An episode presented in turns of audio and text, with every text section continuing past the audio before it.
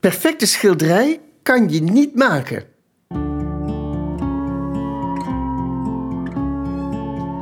Dit is de brievenpodcast van het Van Gogh Museum. In deze serie nemen we je mee naar de wereld van Vincent van Gogh via zijn brieven. Honderden schreef hij er. Aan familie, kennissen, kunstenaarsvrienden, maar de meeste aan zijn geliefde broer Theo. In deze podcast leest telkens een artiest of schrijver een stukje voor uit een van de brieven en vertelt wat hem of haar daarin het meeste raakt. Wij zijn radiomakers Desmet en ik ben Stef Visjager. In deze aflevering spreek ik met kunstenaar en schrijver Ted van Lieshout over brief 898. Ik denk wel dat de basis van heel veel kunst is dat je wilt ontworstelen aan iets waar je niet helemaal tevreden over bent. 898 is een van de laatste brieven van Vincent, gericht aan zijn broer Theo en diens vrouw Jo. Vincent is kort ervoor nog bij hen en hun baby op bezoek geweest, maar kennelijk waren er toen spanningen. Een paar weken na het schrijven van deze brief loopt Vincent een korenveld in en schiet zichzelf in de borst. 10 juli 1890, Auvers-sur-Oise. Waarde broer en zuster. De brief van Jo was voor mij echt als een evangelie. Een bevrijding van de angst die ik had opgelopen van de voor ons allemaal wat moeilijke en zware momenten die ik met jullie heb gedeeld. Het is niet gering als we allemaal beseffen dat ons dagelijks brood in gevaar is. Niet gering als we ook om andere redenen beseffen dat ons bestaan kwetsbaar is. Weer hier voelde ook ik me nog erg neergeslagen en voelde ik de storm die jullie bedreigt ook op mij blijven drukken. Wat te doen?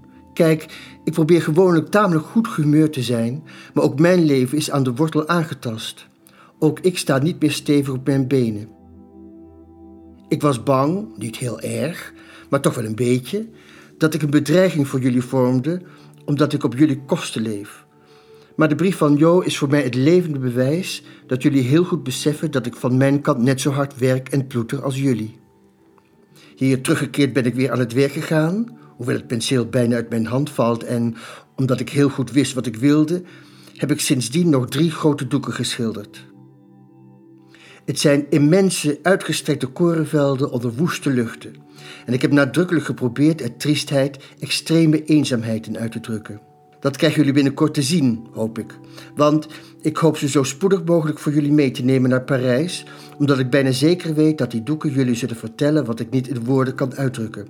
Hoe gezond en hartversterkend ik het platteland vind.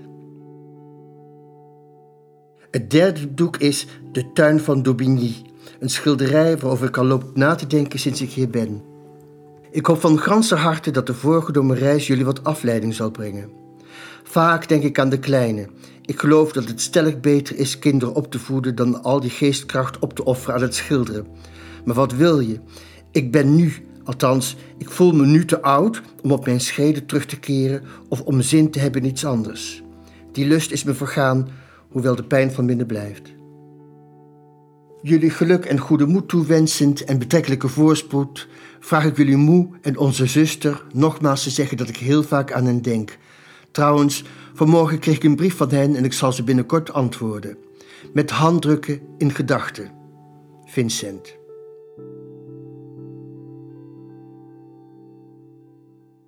De brief raakt mij omdat ik weet dat het een van zijn laatste brieven is. Aan de brief zelf kun je natuurlijk niet merken dat, het, dat die geschreven is kort voordat hij overlijdt. Maar steeds genomen is het een hele normale brief. Uh, er staat ook eigenlijk niets ongewoons in. Jij vindt van wel? Vind wel dat de zwaarte erin. Nou, dat vind ik niet. Ik, vind niet dat er echt zwaarte in zit. Ik vind hem juist um, opvallend luchtig vergeleken bij het portret dat wij geschetst krijgen van Van Gogh. Wij zien hem altijd als een in en in ongelukkige en gedeprimeerde man. En dat blijkt niet uit deze brief, vind ik. Uit deze brief vind ik dat hij probeert om de moed erin te houden. In ieder geval dat hij um, probeert om vrij alledaags te reageren op uh, een brief die hij eerder heeft gehad. Dat is het moeilijke van zo'n brief. Zo'n brief staat in de tijd en we hebben er de context niet bij. En de context die er is, die hebben wij gecreëerd. Want wij weten dat hij nooit schilderij verkocht, of eentje heeft hij er verkocht, dat hij aan het einde van dezelfde maand overlijdt.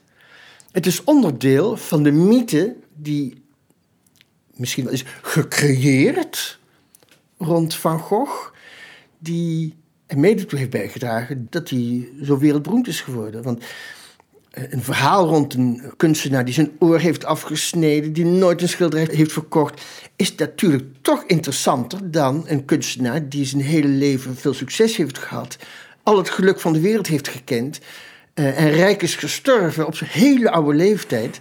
Ja, dat is minder prozaïs dan uh, een, een ongelukkige kunstenaar zoals wij ze toch een beetje graag zien. Um, Vincent zegt ook: het is uh, beter kinderen op te voeden dan je geestkracht op te offeren aan het schilderen.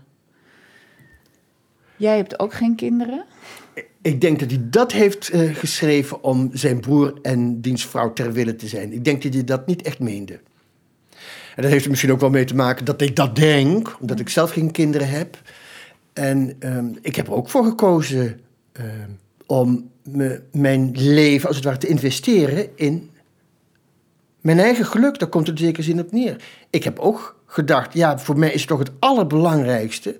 Het werk dat ik maak, daar vind ik toch het meeste geluk. En als ik naar gezinnetjes kijk, die, of, andere mensen van mijn leeftijd die kinderen hebben gekregen en onderhand kleinkinderen hebben, dan denk ik, ja, ik denk dat je daar heel veel geluk in kunt vinden.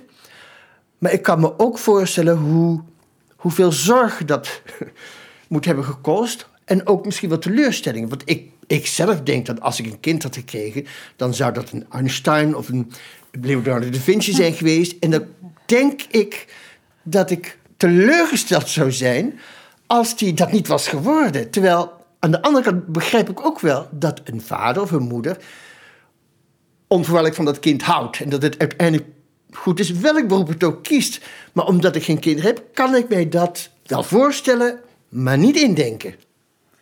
Volgens mij gaat het bij Vincent erover dat hij iets wil nalaten. Um, in het begin wel. Ik weet bij mezelf in ieder geval dat bij het eerste boek dacht ik, en ah, nu ga ik nooit verloren. Nu blijf ik altijd bestaan in de veronderstelling dat als je een boek schreef, hè, dat dat altijd zou blijven. Maar op een gegeven moment merk je dat dat niet zo is. Uh, op een gegeven moment is het uitverkocht en dan wordt het niet herdrukt. Of wordt het verramst. Of het wordt verramst. Dat moet je allemaal meemaken. En dan denk je, ja, maar het blijft in ieder geval wel in de Koninklijke Bibliotheek een exemplaar. Maar als niemand er naar kijkt, heeft het toch gezien. Dus dat idee verlaat je op een gegeven moment wel. En ik ben ervan overtuigd dat Vincent van Gogh dat ook wel heeft uh, gedacht toen hij almaar geen schilderijen verkocht. Dus ik denk uiteindelijk dat het streven naar je eigen geluk je gebied om door te gaan met waar je bezig bent. En in mijn geval is dat eh, zo dat um, ik hoop dat het ultieme boek, dat ik dat nog ga schrijven. En elk boek dat ik heb geschreven, is het net niet. Maar wat nou als het dat wel geweest was? Als ik het ultieme boek had geschreven, dan was ik daarna ongelukkig geworden. Want daarna had ik dus geen doel meer gehad. En voor, ik vermoed dat voor Vincent van Gogh iets soortgelijks heeft gespeeld. Dat hij toch heeft gestreefd ooit zal het lukken om het perfecte schilderij in zijn eigen uh, gedachten dan, in zijn eigen visie te maken. En het is misschien maar goed dat gedurende zijn leven dat nooit helemaal is gelukt. dat hij dus toch steeds opnieuw een schilderij ging maken. Of misschien had hij het perfecte schilderij gemaakt. Was zijn laatste schilderij het perfecte schilderij en dacht hij: en nu ben ik klaar? Dat kan niet. ik, ik, ik, het perfecte schilderij, het perfecte gedicht, het perfecte boek kan je niet maken.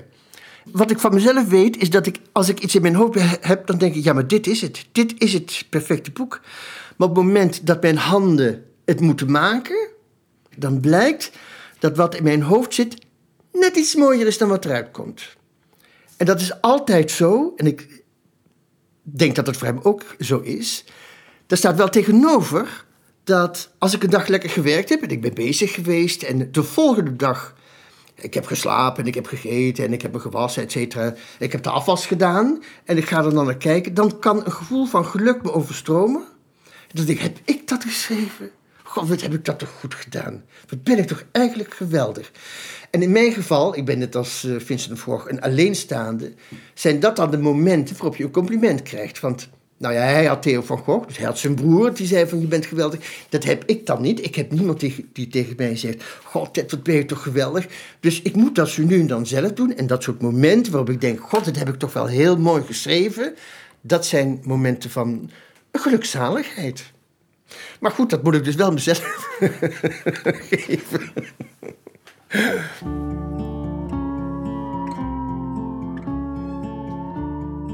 Je hoorde een aflevering van de podcastserie van Gogh Belicht, De Brieven. Lees vooral de hele brief een keer. Je vindt hem op de website van gochmuseum.nl slash belicht.